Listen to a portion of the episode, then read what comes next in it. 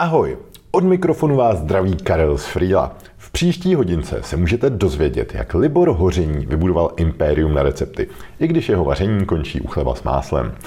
Web TopRecepty.cz úspěšně prodal a teď se věnuje hlavně dobroprojektům. Probrali jsme, jaké poučení ho v průběhu let potkalo, jak v životě pracuje s mužskou a ženskou energií, jak přemýšlí nad novými projekty, proč strávil týden úplně odříznutý na Aljašce u místní babičky, nebo proč se chystá na 20 dnů do pouště.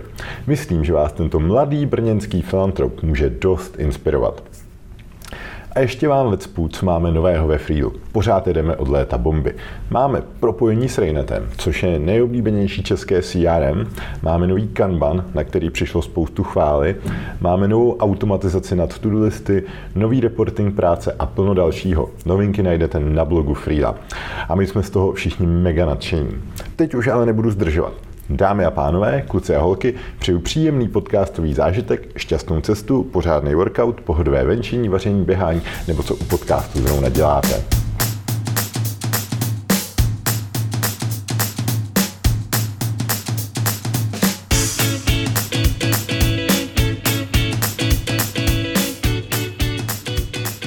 Libore, díky, že jsi udělal čas a na úvod nebo se nám představ, kapitáne, eh, kdo jsi a co, a co děláš? No tak já jsem Libor, jsem v Brně už tak 10 let, pocházím z Olomouce a hraju si na internetu, hraju si s, s různýma projektama, většina z nich je online, ale právě protože mi pak občas chybělo něco jako hmotného, protože velký rozdíl podnikat na internetu, kde jako výsledky vidíš hodně podle nějakých sloupečků v nějaké analytice na monitoru, mm-hmm. tak mi chyběly právě jako hmotné věci, tak jsem se začal hrát i třeba s nějakýma jinýma věcma. Mm-hmm.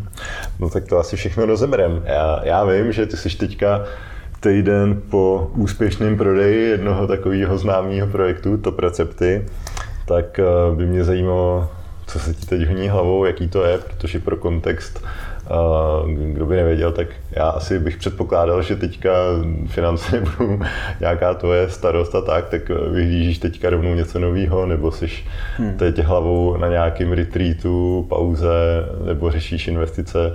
A jak to máš, jaký to je pocit i zbavit se, nebo doprodat vlastně takový první podnikatelský dítě, který s tebou strávil asi 12 let, tak jaký to je a co děláš?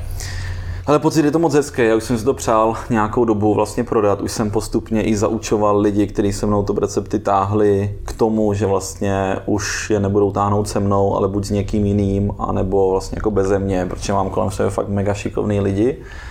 A pocit je to v tom případě super a zároveň já jsem si vždycky jako rozumem vybral tu svoji cestu, co budu dělat, jo? něco jsem si jako naplánoval, rozmyslel, zanalizoval a tak a pak jsem jako do toho šel. A teďka jsem poslední měsíce pracoval vlastně na tom, abych spíš jako pustil nějaké věci, takže nějaké věci jsem začal víc delegovat, některé jsem začal řešit mý, někde jsem jako začal víc spovzdálí, třeba jenom něco jako mentorovat, konzultovat a tak abych právě vytvořil jako kapacitu, vytvořil si tu jako energii, aby něco mohlo přijít, aby něco mohlo jako vstoupit do mého života, víš? Že už nechci pořád jenom používat na tu životní cestu ten rozum, ale chci vyzkoušet víc pracovat s tím druhým polem, což znamená, že nechám, aby fakt jako něco, něco přišlo. Nějaká nová výzva, která mě ale tak naosloví, tak pohltí, že to bude něco jiného, než když si jako řeknu, ale tady je potenciál na trhu, má to finanční potenciál, mám na to know-how, mám na to lidi, kapacitu, tak zaměstnám tady ajťáka, grafika, začneme to dělat, tak to je jaká jako rozumová cesta, víš. Mm-hmm. A mhm. pak je ale ta cesta, která se mi taky v životě párkrát stala, kdy jako ti to úplně pohltí, úplně večer nemůžeš spát a strašně se těšíš, že ráno vstaneš a teď to budeš tvořit a teďka neruš mi to jedno, že je večer, teďka prostě tady něco chystám a teď úplně vidíš, jak to a v noci se ti zdá, jak to bude vypadat a fakt jako tím žiješ a to je vlastně energie, kterou já v životě se snažím mít co nejvíc. Aha, super. A jak, jak, jak ty energii jdeš teda naproti třeba? Co, co pro to jako...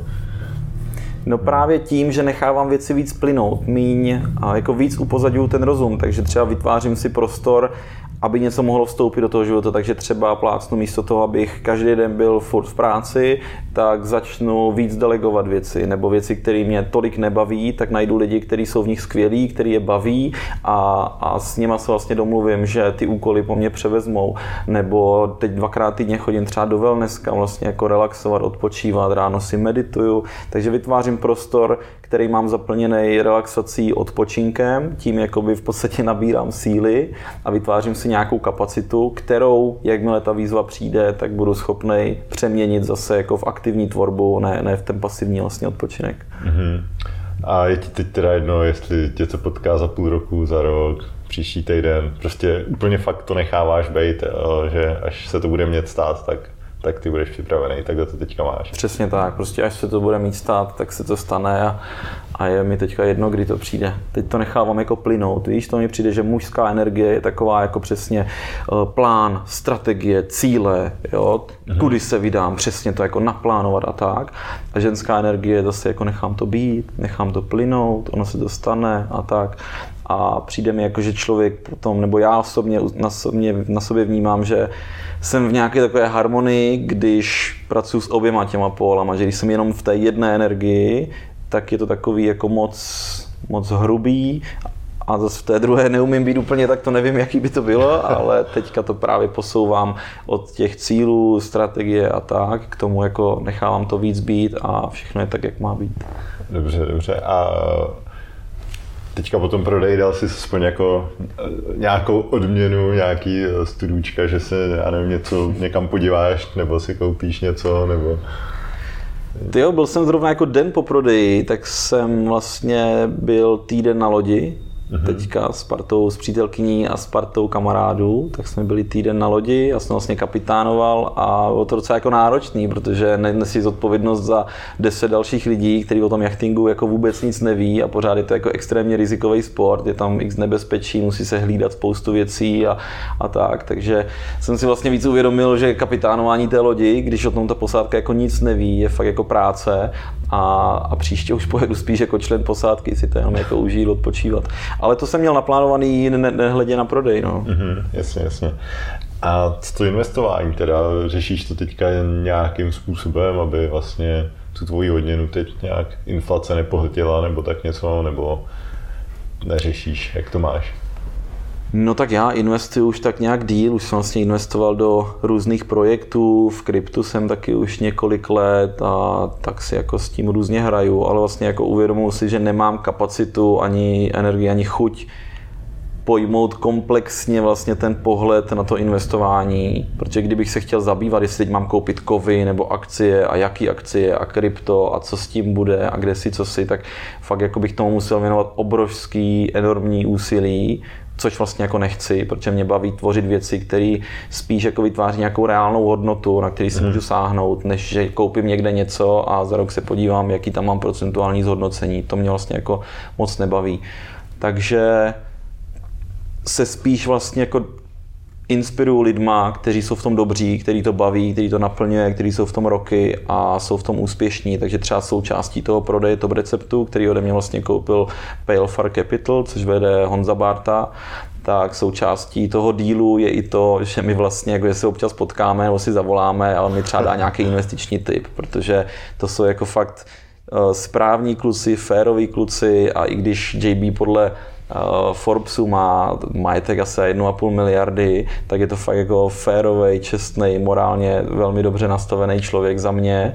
Má zároveň jako nejlepší um, typy k investování, co jako jsem kdy, kdy vnímal takže radši se s ním občas potkám, on mi dá nějaký tip, já se jim můžu, nemusím řídit, ale nechci vlastně svůj čas trávit tím, abych seděl u nějakého, nějakého vývoje akcí nebo něco. Že stejně mám pocit, že jako nikdo neví, co bude s Bitcoinem třeba, nebo s akciema, nebo s něčím hmm. jako za rok. A ti, kdo tvrdí, že to ví, tak to je podle mě jako bullshit a stejně to jsou všechno jenom odhady. No, jasně, no, jasně. Takže já tím vlastně jako ne, ne, ne, netrávím svůj čas, ale nějak samozřejmě to portfolio diverzifikuju. Hmm. A, a když jsme ještě u těchto receptů, teda, tak uh, jak to vzniklo? Ty jsi byl jako nějaký uh, malý kuchtík, tě to. Uh, jak to vzniklo? Ale já jsem vlastně někdy od 11 se začal učit programovat, že mi to jako bavilo a různé webovky, Photoshop. Pak jsem třeba chodil do kroužku programování právě po škole, protože mi to fakt bavilo. A vedoucí toho kroužku si všiml, že jsem v tom dobrý, že mi to baví, že se v tom vzdělávám doma a tak. Tak a... Liborku, nemohl bys mý mamince naprogramovat tady seznam receptů, ona to furt ztrácí. A... No, ale jinak, dal mi příležitost. Vlastně řekl mi, že jestli chci, tak můžu pomáhat v jeho firmě, můžu vlastně pracovat v jeho malé webové agentuře. Takže jsem takhle od 13 začal programovat nějaké jako malé webíky, hrát si ve Photoshopu už pro nějaké jako konkrétní klienty pro firmu.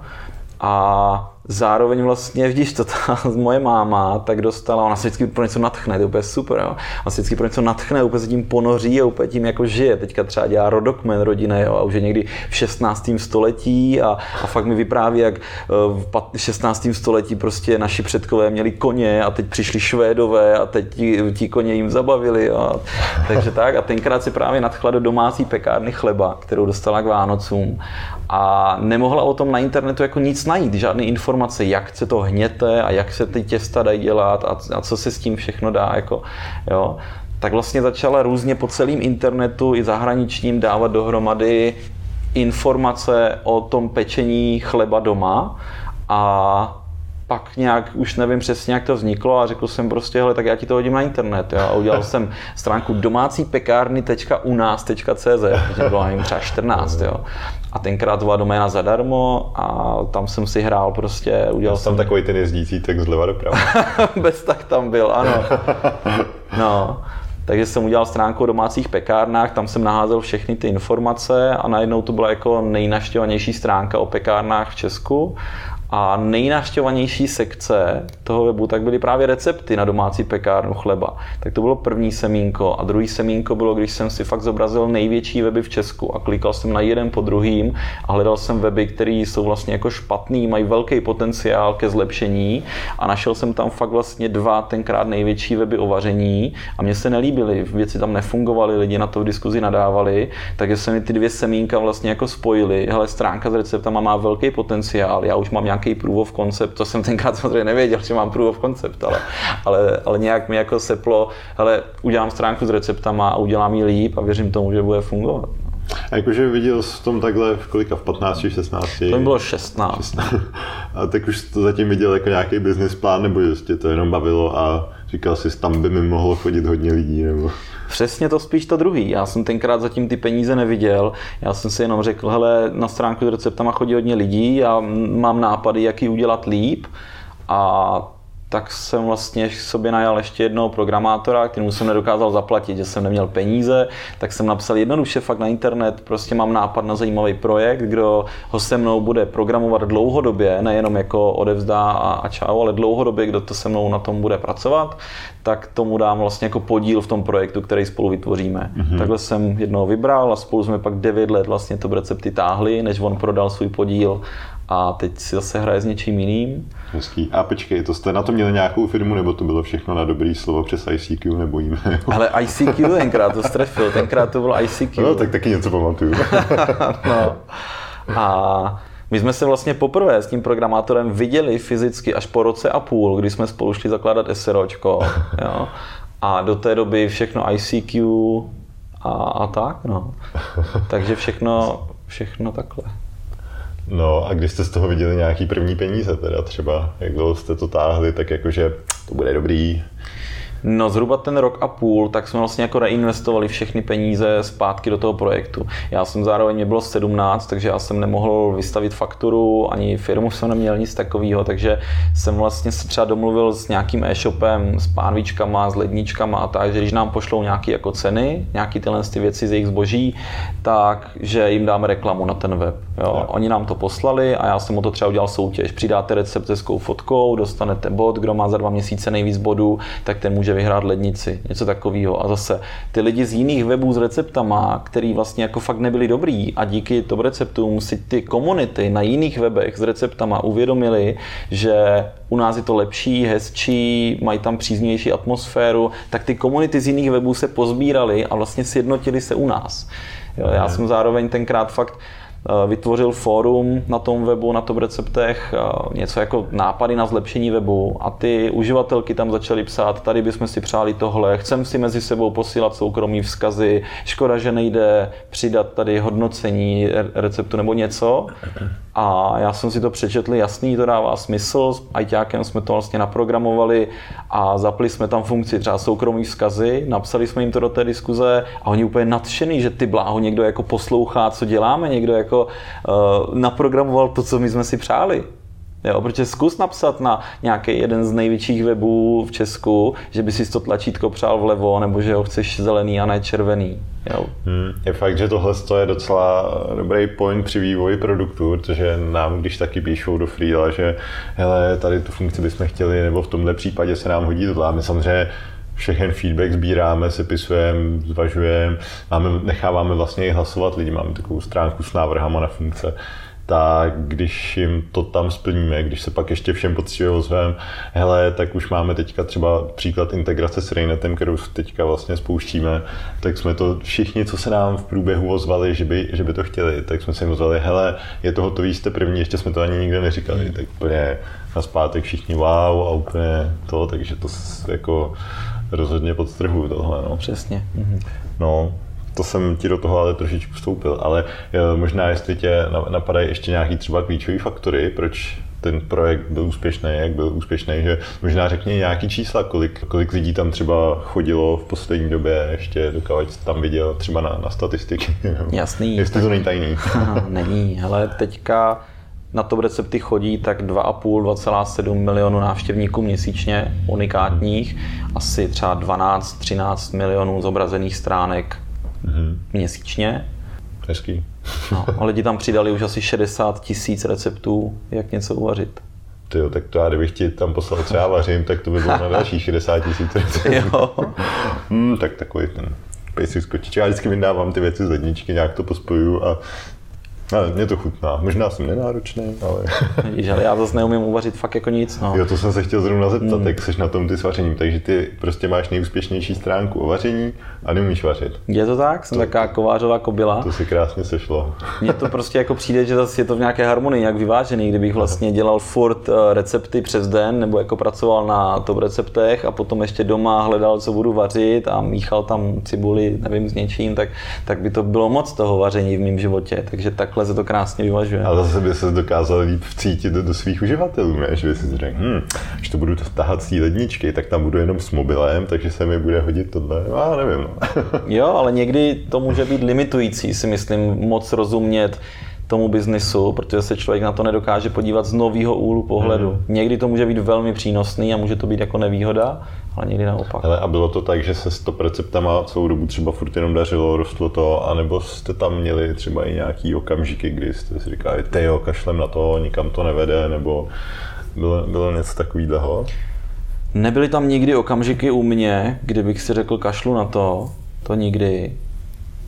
Zároveň jsme jako prošli situacemi, které byly jako takovou tvrdší a cenou zkušeností. Určitě. Co třeba?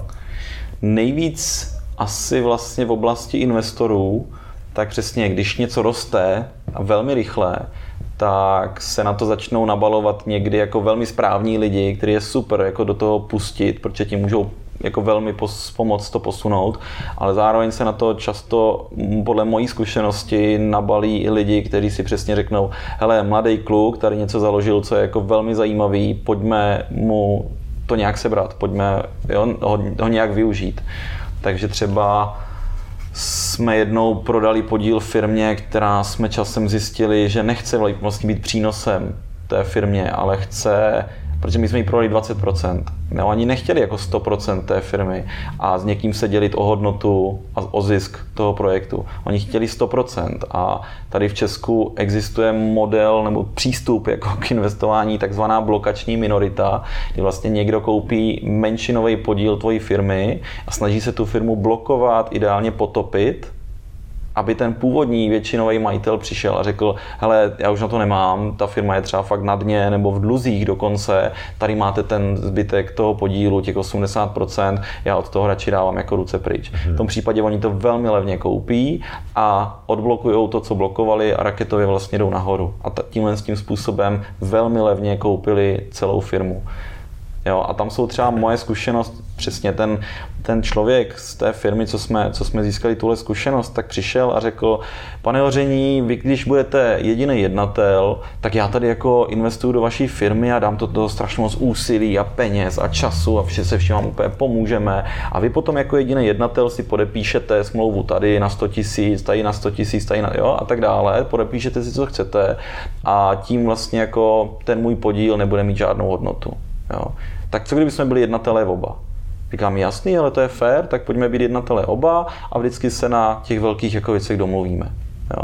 Další věc, valná hromada. Jo. Tak zase přišel a říká, zase, my do toho dáme strašně moc energie a všeho a vy, když potom na valné hromadě zvednete ruku, že třeba převádíte veškerý majetek firmy, jo, nebo že prodáváte doménu, nebo cokoliv, tak já zase jenom z 20% nemůžu nic dělat a, a zůstaneme jako 20% v prázdné bublině.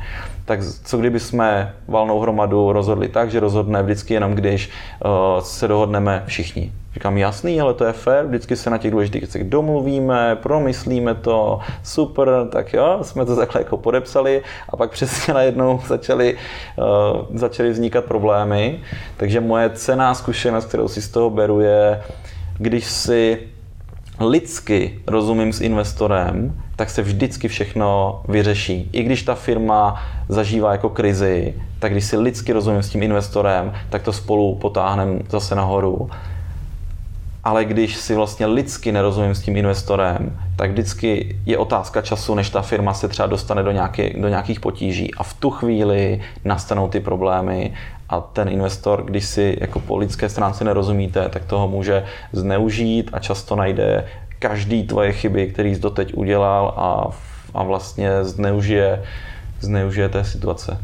To je moje zkušenost. Takže kdy, než já, vlastně já jsem mohl udělat jednu jedinou věc, která by mě z téhle zkušenosti a, vyvarovala a to, že jsem si měl zavolat nebo ideálně potkat se s někým, do koho už ta firma dřív investovala a zeptat se, hele, jak to funguje. Jo, protože člověk, který tímhle způsobem funguje, tak je velmi malá šance, že takhle dřív ještě nefungoval, že budou úplně první případ. Takže lidi, do kterých už oni investovali, tak by mi řekli, hele, drž se od nich dál a já bych věděl. A je to třeba diametrální rozdíl fakt oproti tomu PFC, kteří teďka to recepty koupili, kde žádný tyjo namyšlení kravaťáci, sliští tyjo obchodníci, ale naopak férový chlapy, kteří tyjo přijdou klidně v teplákách a v mikině, hodí si nohy na stůl a řeknou líbo, tak mrkneme na Google Analytics a něco určitě vymyslíme. Jo. Takže, takže super, super tohle srovnání. Mm-hmm. No a máš tam ještě nějakou radu líbo? radu líbo? ne, jako něco, co, co, co tě jako poučilo, vyškolilo, nebo co si myslíš, že by mohlo být pro lidi ještě přínosný, tohle to mi přišlo hodně, hodně super rada. Mojí takovou zkušeností tak je zároveň to, že já jsem pár projektů založil právě hodně z toho rozumu přesně jak jsem říkal, tady to má potenciál, může to vydělávat peníze, mám na to know-how, tady mám na to někoho šikovného, tak jako jdu, zaměstnám ajťáka, grafika, tady naprogramujem tohle, analýza trhu, bla, bla. Ale mám pocit, že pak to, tam byl jenom ten rozum. Takže já se teďka vlastně snažím vždycky ve svých projektech spojit ten rozum, ale i s tím srdcem. Že mám zase kolem sebe lidi, kteří třeba založili nějakou neziskovku hezkou a dělají něco pěkného, opravdu jako tím srdcem, mm-hmm. s láskou, dělají něco krásného, třeba plásnu udělají dobročinnou sbírku na někoho, kdo potřebuje nový vozíček a udělají nějakou prostě um, akci, nějaký třeba koncert dobročinný, teď tam je rau, teď jako plánují tu kapelu, teď vybavení, sál, kitky, ubrusy, prostě všechno vlastně řeší pozvánky, úplně všechno a pak třeba vyberou, nevím, 14 tisíc korun. Jo. Tak to mně přijde jako to srdce, že tam je krásně zapojený, užitečná, moc hezká, přínosná věc ale když tam chybí zase ten mužský pol, ten, ten, ten pol té efektivity, tak do jisté míry to je plítvání lidskou energií a lidským potenciálem. A zase na druhou stranu je kolem mě i e, dost lidí, kteří zase jedou velmi jako ten rozum a jedou biznis, cíle, strategie, vydělávání peněz, prostě efektivita, roční tady dividendy, zisk a jedou jenom tuhle stránku a už třeba nekoukají na to, jakým způsobem opravdu zkvalitňují lidem život. Jestli jsou přínosem té společnosti, ale jako opravdu, aby to nebyl jaký ten bullshit, ale opravdu, jestli lidem zkvalitňují jejich životy. Takže já se snažím to třeba spojit, aby moje projekty byly užitečný, zlepšovaly lidem život, ale zároveň, aby byly efektivní, aby měli vlastně ten impact, víš, aby měli hmm. dopad na tu společnost. Je to pro tebe jako tak velká hodnota, že do jiných projektů už by si nešel, kdybys tam neměl tady ten přesah na to zkvalitňování života společnosti nebo tak něco? Nemyslím si, že je to úplně hodnotou, ale vnímám, že to je právě moje silná stránka. V tom jsem se jako dost našel, mm-hmm. že umím tyhle dva faktory spojit a najít tu cestu, jak, jak tohle v nějakém projektu vlastně probudit a skloubit. Hmm. Uh, což se vlastně rovnou asi na to můžeme jít dál. A vlastně uh, co, co mě na mysl, je samozřejmě projekt Dobrokáva, mm. kde vlastně v Brně u vás ve štatu vaříte lidem, vaříte lidem kávu za dobrý skutky, tak jak takový biznis může fungovat? Nebo... no, to není biznis. Oni máš jako, vždycky máš třeba biznisový jako právě věci, nějakou uh, komerční stránku, komerční sféru, pak máš neziskový sektor, který vlastně funguje tak, aby byl na konci roku na nule. Uh-huh. A my jsme udělali kategorii jako úmyslně ztrátový projekt. Takže to je projekt, který nemá vůbec žádný model návratnosti, na to ziskovosti. Jde čistě o to, že nějaký peníze, který vydělávám třeba nad rámec svého životního stylu, tak mě dává smysl dát na něco hezkého, a místo toho, abych to poslal třeba fakt někam do Afriky, kde nevíš, jestli těma penězma ve výsledku vůbec pomůžeš, nebo to dal do nějaké neziskovky, který zase často neumí efektivně hospodařit s penězi, tak jsem si, a zároveň jsem se chtěl bavit, že jo, spojit to s nějakou hrou, nejenom poslat někam peníze a, a, a tečka, ale spojit to s něčím, co mě bude naplňovat tak jsem si takhle vymyslel, že budeme lidem nabízet kávu, když slíbí, že udělají dobrý skutek. Tohle jsme dělali tři roky, teď už vlastně Dobrokávo nefunguje v Brně a za ty tři roky jsme rozdali něco kolem 30 tisíc káv za dobrý skutek a inspirovali jsme k dobrým skutkům. Věřím, že spoustu lidí i spoustu potom zakladatelů různých dalších jako neziskovek, který třeba stojí na dobrým skutku, nebo další kavárny po republice, čajovny, některý začali nabízet něco za dobrý skutek. Takže za mě osobně tam má velkou sílu právě ta inspirace. Hmm.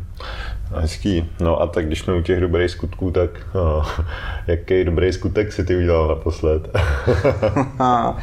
ty jo, já si úplně nepočítám, ale Uf, hele, já nevím, dobrý, dobrý skutky, to je, to je furt něco, ale zároveň já třeba, nevím, dneska jsem měl třeba do Prahy za tebou, že jo, z Brna. A... No to je hodně velký dobrý skutek.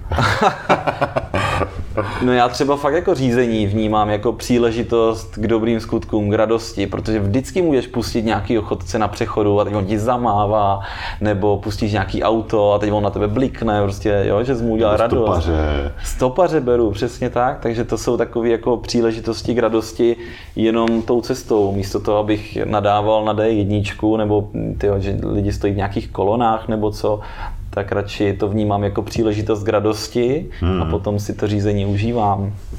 Hezký. No a jaký dobrý skutky jste teda nechávali lidi dělat, nebo tak něco v rámci toho kafe.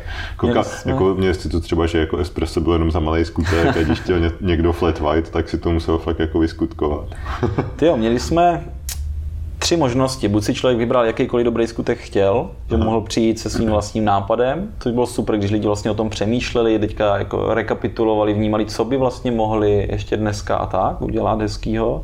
Druhá varianta, měli jsme tam tabuly, kde jich pár bylo napsaných, ty tabule jsme střídali, jo. bylo tam třeba od těch menších, jako pochválím kolegu v práci, nebo zavolám někomu, udělám mu radost a tak, až po ty větší vyvenčím pejska z útulku, nebo pomůžu někomu s nákupem a tak, jo. ale bylo třeba koupím si, koupím si nový prostor a taková inspirace. A třetím varianta byla takový ten koláček, čínský koláček štěstí, kde když si to rozlomil, ten byl, ten byl tam taky k dispozici vlastně zadarmo a když si to rozlomil, tak tam byl lísteček s jedním asi z 30 dobrých skutků, co jsme takhle namysleli. A zase člověk si mohl vybrat buď malý dobrý skutek, anebo velký dobrý skutek podle toho, co člověk vlastně chtěl dělat, kde v tom vnímání, kde na tom levelu těch dobrých skutků vlastně se cítil, tak buď mohl fakt velké, jako zavolám do nemocnice, zjistím, co potřebujou a dovezu jim to. Jo. Mm-hmm. Tak po ty menší jak jsem říkal, třeba jakkoliv pomůžu člověku bez domova, jo? nebo nechám v restauraci hezký dýško, když bude milá obsluha a tak.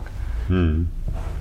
No a jak ti to napadlo? To jsi někde inspiroval, nebo prostě se jeden den ráno ve sprše řekl, dobrokáva, to je ono. Napadlo mi to na Bali, když jsem četl knížku Dalaj Lámova kočka. Jo? Zase je to o tom nechat ty věci přijít Jo, ne hrubě si sednout ke stolu s, nevím, s dalšíma lidma a tvrdě prostě rozumem vymýšlet, co bychom mohli. pro někoho to může být správná cesta, já neříkám, že ne. Hmm. Jo, někdo naopak je fakt jako analytický typ a tohle potřebuje ve svém životě úplně OK. Já mluvím o tom, co, co mě funguje, jak já funguji. Takže já jsem takhle odletěl na Bali, tam jsem si pohodička, četl jsem si knížku Dalaj Lámova kočka, kde právě se kočka zatoulá do kavárny takového mnicha a ten je na ní hrozně hodný. Dají tam pelíšek a pečuje o ní a dají tam krmení a mazlí se, jo? Takže takhle hezký, dobrý skutek pro tu kočku udělá v kavárně a už mě to nějak bliklo. Tyjo, kavárna za dobrý skutek a už jsem se třeba o tom začal bavit, bavit se super lidma, kteří tam zrovna byli, byli kolem, na tom Bali jsme se tam pár Čechů takhle jako potkávali a už zase jsem si všiml, že ta reakce není jako, jo, když řeknu, nevím, že budu prodávat skleničky nebo koberce, tak ta reakce jako těch lidí už si jenom dovedeš představit, aniž by si sdělal jakýkoliv průzkum trhu, že bude jako OK, tak, tak když prodávat koberce, fajn, jako good luck. Jo. Ale když jsem řekl lidem, že budu dělat kavárnu, kde se nic nebude platit penězi, ale bude se platit slibem dobrého skutku, tak ta reakce vždycky byla jako, ty počkej, a jak jako, a jak to bude fungovat, a to je zajímavý, a, a někdo rovnou, hele, já ti tam budu dělat baristu, já u toho chci být, jak ti s tím můžu pomoct, jo. A ta reakce byla jako diametrálně jiná. To si myslím, že je taky způsob, jak jako validovat tu myšlenku jenom podle reakcí, nemusíš ani si vzít tyjo, deníček a chodit eh, po náměstí a ptát se lidí, hmm. ale jenom si představ, zavřít oči a představit si, jaká bude reakce lidí, když jim řeknu, že tvořím tenhle projekt. To je taky super myšlenka, nebo ne? Hmm. A co jinak na Bali? Uh, kde, kde jsi tam byl, co se ti tam líbilo ještě? Máš nějaký zážitek balíský, super? Balíský zážitek, ale Bali je super jako příjemný na relax, ale fakt to miluju v Česku, hlavně v Brně, takže se vždycky rád vracím. Jo? Já necestuju třeba na půl roku nebo tak, takže já vždycky vytvarnu někam třeba na tři týdny, max na měsíc a zase se akorát vracím do Česka nějaký surfování, moře, nějaký tam monkey forest a tak, ale No. Ale Brno je Brno. No, já to zároveň nevnímám vůbec jako dovolenou, jo? že vlastně už to slovo dovolená, že ti někdo musí dovolit, abys byl tam, kde chceš být, jako to je úplně absurdní, jo? ta čeština je nádherný jazyk aby, aby se musel dovolit, jestli můžeš někde být. Takže to třeba u mě vůbec nefunguje. Nikdy jsem vlastně takhle nebyl na dovolené. Já prostě změním prostředí, jo, kde, se, kde se pohybuju a stejně tak to mají i mý lidi, i když oni třeba jako vnímají, že jedou na dovolenou a tak, ale... No, Libor musí dovolit, no jasně. no, jako ví, že oni to třeba oznámí nebo tak, ale, jasně, jasně. ale v mých týmech tak taky funguje jako velká svoboda, že já jsem takový spíš liberální, že vnímám nějaký dva směry. První je přesně jako vyždímat z toho člověka co nejvíc a nabídnout mu jako nejmenší, nejhorší možné podmínky k tomu, aby, abych z něho furt zvládl vyždímat co nejvíc. A druhá cesta je dát mu jako dost svobody, důvěry a věřit, že ten člověk podá jako dobrý výkon. Tak já jdu spíš tou druhou cestou, že nemám zapotřebí na lidi řvát a, a nějak, nějak je stresovat prostě nějakýma timesheetama a, zakazovat jim dovolenou a tyhle věci vůbec. Já funguji spíš na principu, že když jsou lidi spokojení, tak podávají dobré výsledky a zároveň jim nechci dělat to, co mě by nebylo příjemné. A kdyby mě někdo zakázal dovolenou, kdybych cítil, že ji potřebuju, nebo mě by někdo jako prudil, že musím tady sedět v kanceláři od tehdy do tehdy a ještě nějak si pípat kdy nebo trekovat si čas, to mě by to nevyhovovalo a proto to nebudu dělat lidem kolem mě. Já jim naopak nastavím jako možná až extrémně velkou důvěru a svobodu, takže mě jedno, jestli fakt pracuju dvě hodiny denně z Bali nebo 8 hodin denně z kanceláře, když dodávají tu práci, na které se dohodneme, tak ať si to řeší po svým, ať si to řeší tak, aby byli v životě spokojení. Jo, zároveň třeba finančně lidi, se kterými spolupracuju díl, tak rovnou každý měsíc napíšou účetní, kolik chcou peněz za minulý měsíc, kolik jim přijde fair a ona jim to automaticky proplatí. Vůbec nevím třeba, kolik někteří mi lidi mají peněz. Uh, takže každý měsíc si ty lidi tak jako řeknou, hm, tak tenhle měsíc to jsem byl fakt dobrý. tak takhle to funguje u Libora. No? Někteří ano, ale někteří si třeba dělají ten report, že přesně si trekují ty hodiny. Ví, že nemusí, že to ode mě nemají nařízený, ale třeba zase jim to vyhovuje. Oni si potom jednou měsíčně k tomu sednou a vidí, že tady 30% kapacity věnovali, nevím, ajťák třeba serverům a výkonu rychlosti webu, že příští měsíc by mohl víc věnovat tomu, tomu. Takže když mu to vyhovuje, ať si to trekuje. Když nevyhovuje, ať si to posoudí intu intuitivně. No a v jak velkým týmu tohle to funguje? Protože zase nedovedu úplně představit, že uh, firma o 100 lidech na konci měsíce vygeneruje pseudonáhodnou částku výplat a vybere buď to je na účtu, nebo to není. Tak, uh. No to je otázka, jestli právě tím, že to takhle funguje, tak ty peníze na účtu máme, anebo že právě proto, že ty peníze máme, tak to takhle může fungovat. Já nevím, kde je ta pravda, Aha. ale prostě to takhle funguje. A je to, funguje to takhle v malých týmech. Jo? Přesně jak říkáš, ve velké firmě by to možná takhle nefungovalo. Já nechci mít velkou firmu. Co se bavím s velkýma úspěšnýma podnikatelema, tak většinou fakt sdílí, že nejlíp jim v životě bylo, nejvíc byli spokojení, když měli tým kolem 15 lidí. Jo? A někdo hmm. řekne do 20, někdo do 12, kolem 15 lidí je moje zkušenost, že, že byli nejspokojenější. Protože potom už najednou fakt uh, nezajdeš celým týmem prostě na bowling nebo do hospody, už ani nevíš třeba, kolik lidí pro tebe pracuje, už je na ní neznáš všechny jménem, když pro tebe děláš 40 lidí, už potřebuješ nějakou jako hierarchii, nějakou manažerskou strukturu, už řešíš jako hodně HR, věci, problémy, já jsem takže spokojený, přesně, fluktuaci, já jsem spokojený v malých týmech, ve kterých dělám svoje projekty a fluktuaci mám prakticky úplně jako minimální. S prvním majťákem jsem dělal 9 let, s druhým teďka 6 let, hlavní marketák taky 6. rok vlastně teďka a, a spoustu takhle děláme velmi dlouhodobě. Hmm. Máte tam ještě jako třeba nějaký pravidla, co se týče nějakého fungování teda, nebo kde začíná a končí ta benevolence a svoboda a tak. Eh, lidi mají třeba přístup ke všem informacím takhle ve vašich týmech, nebo Můžou, jako ne, ne, že by jsme měli nějakou veřejnou tabulku, třeba kolik kdo přesně má výplatu nebo tak, ale ví, věřím tomu, že lidi v mých týmech ví, že kdykoliv se mě na cokoliv zeptají, tak jim to jako informaci dám, pokud to nezasahuje do soukromí někoho jiného. Hmm. Dobře, dobře. No tak to jsme od dobra docela utekli, eh, trošku, trošku jinam. Ale já bych se ještě zeptal, co ti to dobro dalo? Dobro mi toho dalo spoustu. To je vzájemný. Já zase dávám něco dobru a dobro mě. Hlavně lidi, hlavně skvělí lidi, který jsem díky tomu projektu poznal a i přítelkyni jsem poznal na Dobrodnu, vlastně na posledním dnu Dobrokávy, nebo sezóny Dobrokávy, takže mi to... to, to, to ona nebo ty udělal dobrý skutek? ona se stavila na Dobroden, určitě si dala kavčo, takže pak nějaký dobrý skutek udělala a už, už to nějak bylo. Jak se spolu dlouho už? Teď to bude rok v říjnu. Hezký. No. Ale já jsem se v té lásce někdy plácal, takže občas jsem měl nějaký jako uh, svoje um, takový blbý období, kdy přesně jako člověk neví úplně, jak té lásce přistoupit a, a co přesně od ní očekává. Měl jsem různý naivní, hloupý představy, že nějaká pravá láska mi spadne úplně do klína a všechno bude úplně dokonalý a všechno úplně bude harmonický a, a tak. Takže tohle třeba nebyla často v životě moje silná stránka a hodně jsem se v tom hledal A teď až třeba jako víc chápu, že, že velký rozdíl mezi zamilovaností, kdy tě přesně všechno přijde úplně harmonický, úplně skvělý, ale s láskou to má málo společného podle mě. Naopak ta láska je něco, co musí vznikat, co se vlastně jako buduje, co je ta práce zatím a ne, že to člověku spadne do klína. Takže teďka mě baví vlastně jako tu lásku budovat, vytvářet, pečovat o ní a, a ne čekat, že mi spadne všechno jako z nebe. Hmm, hezky.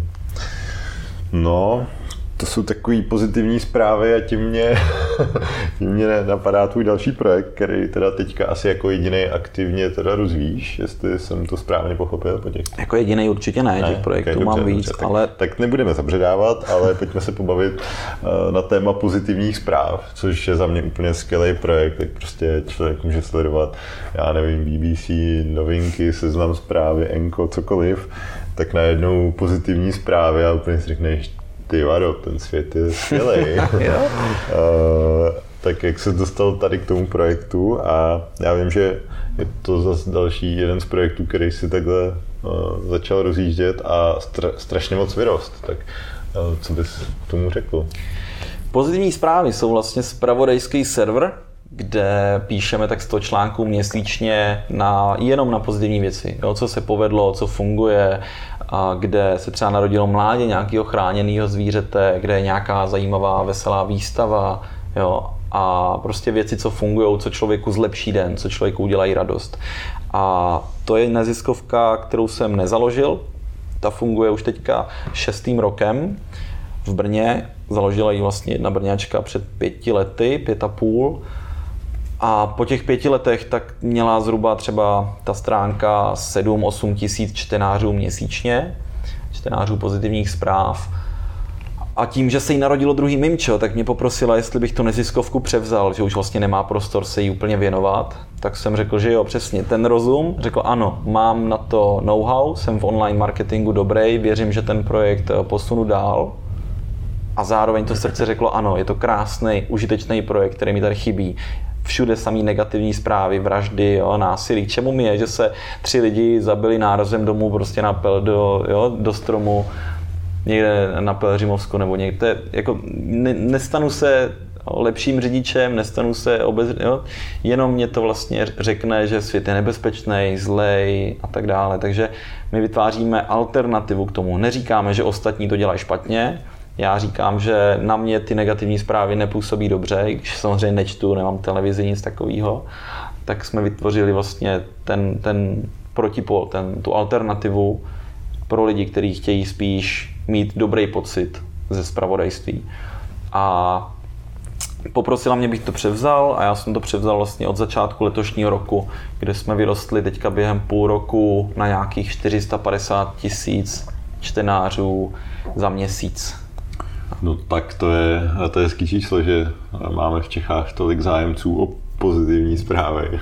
Jo, to je přesně to propojení, ten rozum a to srdce. Ono tam je totiž osm redaktorek, šéf redaktorka a zakladatelka tenkrát. Mm-hmm. Což je čistě ženská energie, nádherná energie. Ty ženský, ty holky, jo, tak oni píšou krásné články, milý články, ale zase, když si ten článek pak přečetlo 40 lidí, tak je to za mě vlastně jako plítvání potenciálem, mm-hmm. protože ta, ta redaktorka musela ten článek vyhledat téma, napsat to, jo, zkontrolovat to, dát k tomu fotku, vymyslet titulek, nazdělit to na Facebook a těch činností tam je dost.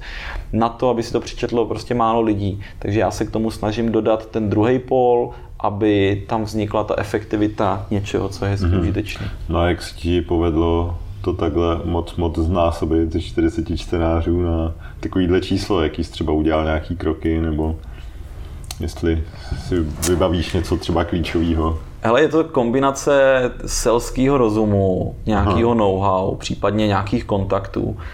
Spoustu věcí stačí, na spoustu věcí stačí jako ten selský rozum. Jo. Když se jednoduše zamyslíš, kam v Česku lidi chodí na internetu, Jo, tak ti prostě jako vyskočí seznam CZ. OK, tak jsem zajel do seznamu a domluvil jsem spolupráci se seznamem. Jo. Druhá věc, kam v Česku chodí lidi na internet? Na Google. Tak jsem zjistil, že Google dělá takzvaný Google Grants, což je podpora neziskových organizací, když vyplníš jednoduchý formulář Google Grants o tom, co tvoje neziskovka dělá a tak dále. A Google se to líbí, tak ti dají 10 tisíc dolarů měsíčně na reklamu na Google. Mm-hmm. Takže když si teďka vlastně, my jsme o to požádali, dostali jsme ten grant, nevím, jaká je tam procentuální úspěšnost, protože jsem o něho žádal jednou a jednou jsem ho získal. A teďka, když si zadá někdo do Google zprávy z Česka, novinky ze světa, něco jako v oblasti spravodajství, tak mu může na té placené horní pozici vyběhnout pozitivní zprávy a my za to neplatíme, když na to klikne, tak jako vlastně platící klient, což hmm. je ta podpora toho Google až do částky 10 000 dolarů měsíčně. Takže to je další zásadní věc. Tím, že máme zkušenosti z top receptů na Facebooku, kde máme asi milion fanoušků, 80 tisíc followerů na Instagramu, tak si s tím umíme hrát, máme spoustu statistik, nalili jsme do toho spoustu peněz, takže víme docela jak na to, tak zase ty zkušenosti aplikujeme pro pozitivní zprávy. Jo. Zároveň ta neziskovka byla celou dobu závislá na externích darech, jo, nějakých sponzorů. Já se teďka snažím, aby byla finančně udržitelná, aby jsme už nebyli závislí na nějaké třetí straně, protože nemám rád, když něco, co dělám, je závislý na něčem, co já neovlivním. Jo. A já ne, neovlivním, jestli investor bude mít peníze i příští rok, nebo nebude, nebo spíš sponzor. Takže teď snažím, aby to bylo udržitelné dlouhodobě. Jo, změnili jsme a trošku styl těch článků, co píšeme. Udělali jsme nový design webu, zlepšili jsme to IT zázemí, nabrali jsme nové redaktorky, založili Instagram. To je nějaká kombinace toho, co jsme provedli. Hmm. Máš tam nějakou vizi tady s tím projektem třeba? Přesah do světa nebo Svět zatím nechystáme, zatím se držíme tady v Česku. Myslím si, že Česku by to velmi prospělo, kdyby lidi opravdu nečetli ty negativní zprávy, ale četli by zprávy, které jim reálně zlepší den, protože to, jaký zdroje myšlenek si vlastně pustíme do hlavy, tak má podle mě obrovský zásadní vliv mm-hmm. na naši spokojenost a na celý náš život. No jasně, no, protože si sám můžeš hacknout to, eh, jak seš naladěný, jestli myslíš pozitivně, nebo to vlastně Janka Chudlíková o tom v podstatě se mnou natočila podcast, nebo mm. ta o tom mluví často, no, že prostě na co myslíš, tím se stáváš, no, to je taková asi její věc, co jsem si teďka půjčil. Ano, hlavně no. jako co si přeješ, no, my si často přejeme něco, co ani nevíme, že si přejeme, protože používáme buď špatný slova, nebo nějakým způsobem máme v hlavě spoustu vzorců, který nám spíš jako brání v životě něčeho dosáhnout a já se snažím vždycky najít třeba příčinu těch vzorců a upravit si je. No, nebo hmm. to, co mi v životě nevyhovuje, tak si říct jako fakt velmi razantně, že tohle nebude součástí, nemusí být součástí mého života a jako odfiltrovat to úplně třeba právě i ta, ta mysl, to jak máme, jaký máme zdroje myšlenek, jak máme vlastně zdravou mysl, tak to nám vytváří potom třeba i ten placebo efekt vlastně, jo, že já nevím, dejme tomu, když někdo řekne v mým okolí, že třeba nemocnej, tak já se jako opravdu upřímně zeptám, proč to dělá. A on přesně se nějak uchychtne nebo něco a jo, ha, protože má v hlavě vzorec, že být občas nemocnej je přece přirozený.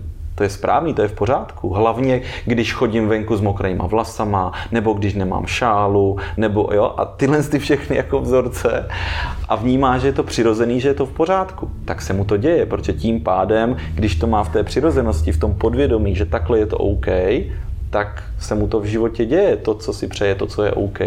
Já si nemyslím, že je v pořádku, abych byl nemocný, bez moci prostě, takže, takže já jsem si jako pevně nastavil, že být nemocný mi vlastně v životě k ničemu není, tak to dělat nebudu, takové věci. Nebo být na něco alergický, prostě. Co mi to přinese do života? Nic, tak to nedělám, takové věci. No.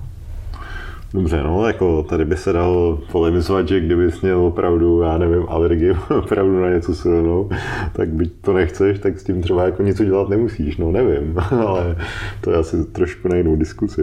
Jo, ale stejně jako placebo funguje v nějakých procentech, Aha třeba dejme tomu ve 30%, co jsem někde slyšel, četl v oblasti zdravotnictví, že 30% všech léků je postavených jenom na placebo tak eh, úplně stejně podle mě funguje ta mysl. Že někdy to je velmi silný ovlivňovač našich životů a někdy to nemusí fungovat. Někdy zase fungují eh, jiné věci. Hmm, jo. Ale Petr Krejčí mě tak jenom eh, napadlo, který nás vlastně i, i propojil a tak, tak říkal, že pro tebe je hrozně velký téma vděčnost. Tak za co jsi ty v životě vděčný? tyjo, velký téma. Je to jedna z mých hodnot zásadních životních Vděčný se snažím být za všechno víc a víc. A mimo jiné jsem vděčný samozřejmě za to, jaký mám život. Já jsem obrovsky vděčný za to, kde jsem se narodil, komu jsem se narodil, jakým způsobem mě naši vychovali. Třeba ti mi fakt vždycky řekli svůj názor, ale řekli mi, tohle je náš názor, ale udělej si to po svým. Jo, že mi dali i ten pohled těch rodičů, těch, te, te, tu zkušenost, ale i tu svobodu. Mm-hmm. Obrovsky jsem za to vděčný. Jsem vděčný i za to, co jsem dokázal, co, co vlastním, jaký jsem, jaký můžu být, za, za svoji minulost, za představu budoucnosti. Jo, ale třeba když zmiňuješ vděčnost, tak jsem si schválně pustil na Netflixu dokument, to se jmenuje Případy neviny. A to je o amerických vězních, kteří byli odsouzeni neprávem, třeba na 20-30 let nebo na doživotí, ale pustili je mhm. třeba po 30 letech, že pak dokázali, že to opravdu nespáchali. Jo. A teď si jako kdykoliv si vzpomenu na ten dokument, kdykoliv mi přivezou jídlo o půl hodiny později, nebo uh, mi něco nefunguje, tyjo, tak úplně cítím tu vděčnost. Ty bláho, ale tady jsou lidi, kteří byli 30 let ve vězení za něco, co neudělali. Jo. Nebo včera jsem s přítelkyní koukal na film um, Nezlomný. Jo. A tam je jedna dokonalá scéna, kdy Oni jsou tyjo, už asi 30 dnů na širém moři v záchranném člunu, vojáci, kteří spadli s letadlem, jsou v záchranném člunu a teď tam letí letadlo. A oni úplně samozřejmě vyschlí, prostě bez jídla, bez pití. A teď tam letí letadlo a oni na něho mávají a ono se obrátí a letí k ním. Tak oni jako sbírají tu naději, ty a oni nás konečně zachrání po asi 30 dnech na moři. A teď to letadlo do nich začne střílet protože to jsou Japonci, jo. tak oni naskáčou do té vody a pod něma plavou žraloci. A to je dokonalá scéna v tom, že jsem si fakt uvědomil, že situace, kdy jsi v moři a plave kolem tebe žralok, a je to až třetí věc, která tě štve. Protože už jsi 30 dnů sám prostřed oceánu a střílí po tobě letadlo a to, že pod tebou plave lidožravej žralok, až třetí věc, která tě štve. Ty bláho, to jsou takové situace, že potom cokoliv se mi v životě stane, tak si řeknu úplně v pohodě. Jako podívej se kolem sebe, co všechno můžeš, co všechno máš, kde žiješ, v jaké době žiješ. Takže fů, to mi dává obrovskou vděčnost. Hmm, jasný, jasný. No, to mě ještě vede na takovou tu protimyšlenku, že právě, jak jsi říkal, přivezou mi jídlo o půl hodiny později, tak si pak musím smát, když tak jako občas to ještě někdo hodí na Twitter a, a, a velkopářsky se jako postižuje, že se jako mu děje strašně velký příkoří a tak, no, že... ale, ale tak, no. Ale ty prej taky, Libore, hodně medituješ, jsem slyšel a takže prej díky tomu jsi strašně efektivní. Tak eh, jak, Kdo to jak, říkal? no, pořád jsme u toho Petra. jsme byli dneska na obědě, tak jsem se ptal, že co by mi tak na tebe prásknul za pikošky, nebo tak něco. Tak eh, eh, jak to máš? Máš nějakou special techniku a myslíš si, že teda jsi díky tomu efektivní, nebo... To nevím, to si úplně nemyslím. Ani si o tom vlastně jako nic nemyslím, popravdě. Já spíš ani hodně medituju se nedá říct, asi třeba někdy jenom na 10 minut, někdy na půl hodiny, něk, některý den třeba vůbec, jo, mám to ještě takový rozblemcaný, ale střídám si nějaký jako druhý meditace, který cítím, že zrovna potřebuju. Někdy jdu jako tou buddhistickou cestou, kdy fakt se snažím jenom si sednout, uvolnit se a nemít myšlenky, jenom prostě jako na, nad ničím nepřemýšlet. A vždycky přijde chvilka, kdy si uvědomím, ty bláho, já teďka přemýšlím nad tím, co s těma pozitivníma zprávama, aby jsme ještě mohli, nevím, sportovní, tady nějaký pozitivní, jo. A řeknu si, aha, přemýšlím, OK, a přestanu přemýšlet. A zase je nějaká, nějaký období, nějaká chvilka, kdy nepřemýšlím nad ničím a zase jenom najednou se stane, počkej, už zase nad něčím přemýšlím, co si dám dneska k obědu, jo? a zase to prostě OK. A, a zase snažím se prodlužovat tu dobu mezi těma okamžikama, kdy si uvědomím, že nad něčím přemýšlím. Tak tím si tak asi nějak čistím mysl.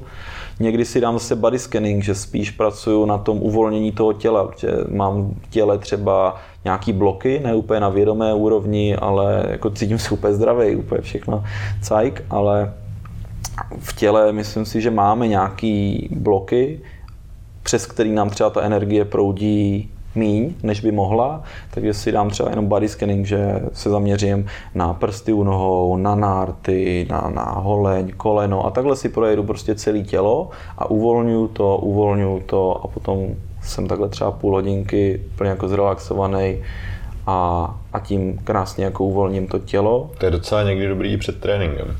Takhle jako připravit to tělo na... Hmm. Jo, ale já nedělám žádný aktivní, náročný sport, takže trénink je něco, co jsem dlouho nezažil. Doporučuji, není to špatný. Já věřím, každý máme něco. Já mám teďka třeba období, kdy odpočívám fakt pasivně, takže dvakrát týdně si dám saunu a dám si zase třeba jako fakt silnou saunu. Tam, je, tam se mi to láme, když si dám třeba jako 10 minut, tak je takový jako pohoda, vylezu, odpočinu si a je to příjemný. A když si dám fakt třeba těch 15 minut, když jdu trošku za tu hranu, kdy už jako bych chtěl víc té sauny, ale ještě to trošku posunu, nebo nějaký saunový ceremoniál, tak potom si dám jako sprchu, skočím do toho ledového bazénku a pak na tom lehátku, to je takový uvolnění, to je tak příjemný, to je úplná blaženost jako fyzická, kde zase cítím zas fyzickou fakt jako úplnou úlevu, ale i třeba tu duševní, že, že to je jako velmi očišťující, příjemný. Tak to je třeba teďka moje forma relaxu místo aktivního pravidelného sportu. To, to mám třeba jenom jednou za 14 dnů. Hmm. No, to, to, ten aktivní sport, to jsi mi připomněl, a to se tě musím zeptat, jak jsi zhrál na toho lukostřelce, jak jsi vzal luk a šíp, šel si na pole, rozbalil si mapu světa, začal si střílet, Aha. No, nejseš úplně dobrý lukostřelec, že jo, takže jsi to tam musel pálit dobrou hodinu, než se ten šíp uh, trefil do té Antarktidy a, do Aljašky. A, do Aljašky a ty jsi musel na vejlet, tak eh, co se ti honilo hlavou v době, kdy, kdy jsi šel na to pole a eh, co to bylo za výlet? To by možná posluchače mohlo zajímat.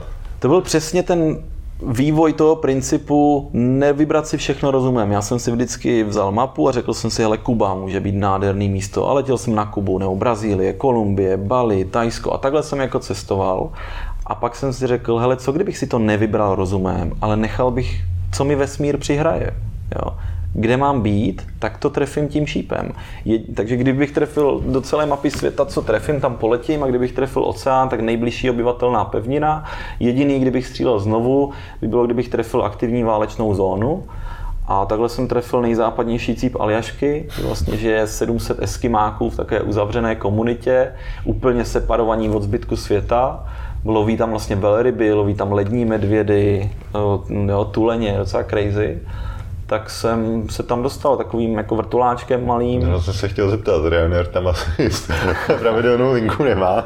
to ne, ale letí tam vlastně do hlavního města Aljašky, nebo do největšího města Aljašky, Anchorage, tak letělo jedno, potom do menšího městečka Astama, spíš takový zásobovací vrtuláček, který jim tam vlastně lítá občas se zásobama, protože tam mají třeba jeden obchod, jednu restauraci, jednoho policajta a tak. Toho prej nezvou nikdy na žádnou party, protože policajt tam nechce. A jaký to byl pocit takhle po, nevím, třech dnech na cestě různýma letadlama vystoupit někde v nějaký díře, tak teď jsem tady, kam spadl ten šíp. Krásný to bylo, krásný. To, to místo, co jsem trefil tím šípem, se jmenuje Point Hope, jo, bod naděje, takže, takže i to je jako nádherný, nádherný místo. A já jsem vystoupil, ještě mi jako z toho letadla nedali batoh, jo. Já jsem měl obrovskou krosnu, kde jsem měl nějaký mysli tyčinky a nějaký věci, jo, do zimy. A nikdo nevěděl, že tam přiletím. A oni mi nedali batoh, že prej ten přiletí později. Říkám, a tak dobrý, tak jsem měl ty jenom bundu a sluchátka a nic víc, jo.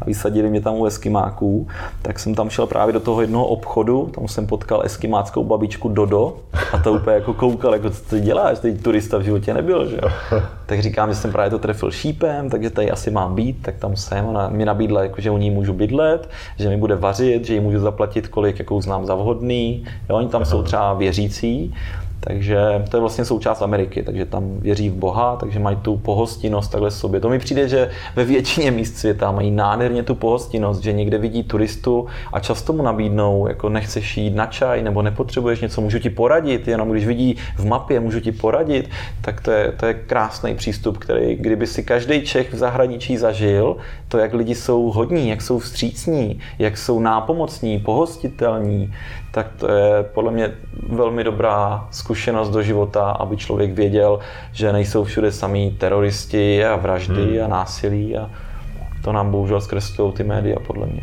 Hmm. A měl jsi tam ještě jako nějaký zážitek, nebo jak dlouho, jak dlouho se zdržel a tak? Přímo v tom Point Hope, tak jsem byl týden, bydlel jsem u těch eskimáků, tam je taky fakt jako velmi klidný, příjemný, oni tam hodně jako relaxujou a mají na to nějaký svoje, svoje for... Ne, ale když to řeknu na rovinu, tak já jsem vlastně se těšil na ty filozofické rozpravy s tou eskimačkou, která nikdy neopustila tu vesničku, prostě nikdy nebyla nikde jinde. Většina těch eskimáků v tom prostředí. A No a ona ta eskimačka říká jako, no tak my to jako hulíme trávu docela a vytáhla takovou dozu a vytáhla dýmku vyřezanou z mrožího klu a, a nabila tyho dýmku tak, eh, tak jsem si říkal, dobrý, tak jako na uvítanou, tak abych poznal místní kulturu, tak jsem si dal s něma. No a, a potom... nakonec zjistil, že jsi tam byl tři týdny, a ne? no, nakonec jsem tam byl týden a tohle třeba byla jako docela častá forma jejich relaxu, no. tak to bylo takový veselý.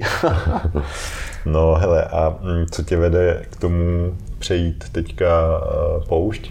Máš plán hmm. asi tu 20 denní, tak to předpokládám už nebylo lukostřelbou, tak to ne, tohle... Co od toho očekáváš? Od toho očekávám takovou formu očisty od běžného života, od svých návyků, protože já vlastně s Martinem Černohorským, to je průvodce pouští, který vezme lidi na 21 dnů, nebo dělá různě dlouhý ty, ty akce. Já jdu na 21 dnů a s pár dalšíma chlapama přes poušť, kdy několik dnů budeme úplně sami uprostřed pouště a budeme si vařit, jinak nám tam bude vařit nějaký beduín, jo, žádný mobil, žádný notebook, koupat se budeme v písku a tak dále. Tak na to se jako velmi těším, že je to něco, co mi ukáže úplně jiný možnosti denních návyků třeba. Jo, že tam hmm. nebude, že já nevím, koukat na Facebook nebo eh, sledovat zprávy nebo já nevím, chodit do restaurací, budu, přijdu tam jako na úplně jiné možnosti toho života, budu sám se sebou. Jo, nebude, že si pustím film večer, ale vnímám, že mě to vlastně vyčistí od věcí, od, od všeho, můžu říct, od všeho. A potom, když se vrátím, tak si budu moct vybrat, do čeho se rád vrátím. Hmm, to je super. Hele, strašně to letí. Mám tady na závěr už jenom pár takových rychlých otázek. Mm. Tak na mě vpal to, co tě první napadne. Kdyby se měl znovu narodit, kam by to bylo? Do Brna. Což to Olomouce není zase tak daleko. je něco, co bys teďka vzkázal 18 letýmu Liborovi zpětně? Ty nic, protože kdybych mu něco vzkázal, tak změním svůj život a nebyl bych dneska tam, kde jsem. Uh-huh. No, tak to mě vede na to, kdo tě v podnikání nejvíc ovlivnil a čím? Pár podnikatelů mě ovlivnilo hlavně jako morálníma hodnotama. Tím, že mi ukázali, že i velký biznis, i velmi úspěšní lidi, tak můžou mít fakt krásně, čistě, zdravě nastavené hodnoty. Takže to pro mě byla největší inspirace. Takových lidí jsem se snažil v životě držet. Mm-hmm. A vzpomeneš si na nějaký selhání, který teďka zpětně vidíš, že vlastně bylo dobrý, že jsi rád, že se to tak stalo? Nemůžu říct selhání, nemůžu říct ani chyby, můžu říct jako tvrdě získané zkušenosti, protože to, co běžně člověk třeba vnímá jako chybu, tak já vnímám jako přesně tvrdě získanou zkušenost nebo cenou zkušenost, ale chyba by to pro mě byla, až pokud bych znovu udělal to, co vedlo k té příčně. Mhm. Přesně, bych znovu udělal to, co vedlo k té situaci. Co máš na čere nejradši? Na Česku mám nejradši přátelskou atmosféru kterou si ale člověk zase musí vybudovat. No. Mm-hmm. Nenajde se, nespadne z nebe. Jasně, no. Musíš mít tu svoji nějakou bublinu. Mm. A kdo je podle tebe úspěšný? Ten, kdo dělá to, co ho baví, co ho zároveň uživí, co, kde využije svoje silné stránky a co je přínosný vlastně společnosti, co reálně zlepšuje život dalším lidem. Hmm, takže v podstatě takový Ikigai. Ikigai Japonsko, Aha. přesně tak. A kdyby měl být na D1, až pojedeš domů billboard Libora Hořního, eh, co bys na něj napsal? Napsal bych na něj, že každý je tvůrce svého života, ať už, ať už tomu věří nebo ne. Super, hele, Libore, tak díky moc za to, že jsi udělal čas a zase někdy, ať se daří. Taky moc děkuju. A ještě na závěr, tak protože každý námořník, když jsme tady z podpalubí, tak každý Aha. námořník musí umět najít cestu tak pro tebe mám takový historický námořní kompas. Maria, tak děkuju, tyjo, to, je, to je hrozně hezký, tak kompas, tyjo, to jsem snad ještě ani v ruce nedržel. Hmm. Aby ti vždycky pomohl no, tak, najít dobrou a... cestu, nejenom pro projekt z podpalubí, ale hlavně tu správnou životní cestu. Jo, no, tak to je, to je paráda. A ještě od opravdového kapitána. Že jsi jediný kapitán, který má i ty kapitánský zkoušky. Kdo na to má papír? Hmm. no tak to je bomba, tak to jo, děkuju. Taky děkuju.